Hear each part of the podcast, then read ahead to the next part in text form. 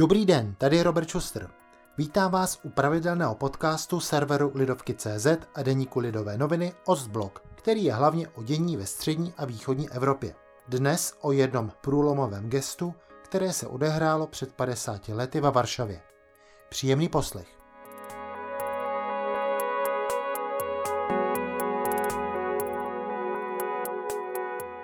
Před několika dny uplynulo 50 let od okamžiku, co německý kancléř Willy Brandt poklekl v polské metropoli před památníkem obětí varšavského geta. Záběr tohoto gesta následně obletěl svět. Sociálně demokratický politik později své počínání vysvětlil tím, že, cituji, klesl pod tíhou milionů zavražděných, tak jak to lidé dělají, když jim chybí slova.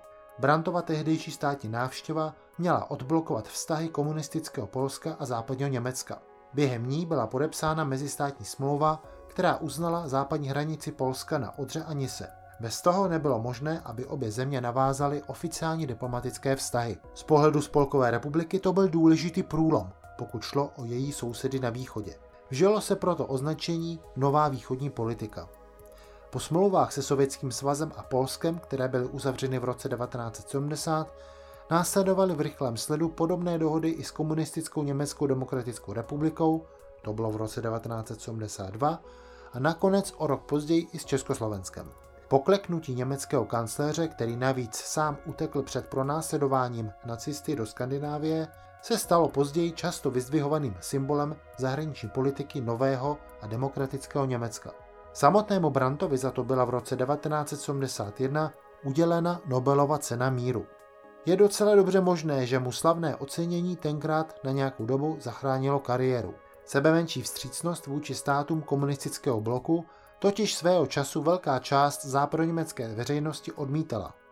V případě Polska hlavně kvůli uznání jeho státních hranic. Mnozí Němci, pocházející z území, jež připadla po druhé světové válce Polsku, v tom spatřovali zradu. Proto hrála při jednáních 2 plus 4, která předcházela sjednocení Německa, v roce 1990 tak velkou roli otázka opětovného potvrzení hranice na Odře a Nise.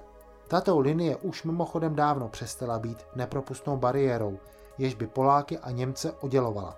Spíš připomíná okrasný plot, který není vysoký a jeho šplaňky nejsou zatlučeny na husto.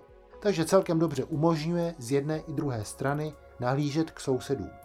A pak se třeba i pozastavovat nad tím, že Oni stále ještě nemají posekaný trávník, v létě pak závidět velký venkovní bazén a na podzim zase kritizovat, že nemají schrabáno listí a uklizený zahradní nábytek. Někdy to může způsobit úsměv, jindy ale jde při takovýchto pohledech přes plot o vážné věci. Ukazuje to i aktuální spor o příští unijní rozpočet.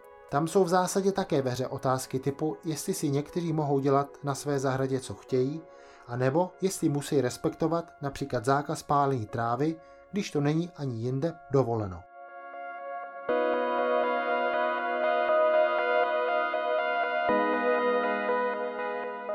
Nejenom tento, ale i všechny další naše podcasty najdete na webu Lidovky.cz a na obvyklých platformách, jako například Spotify či Apple Podcast. Za pozornost vám děkuje a všechno dobré přeje Robert Schuster.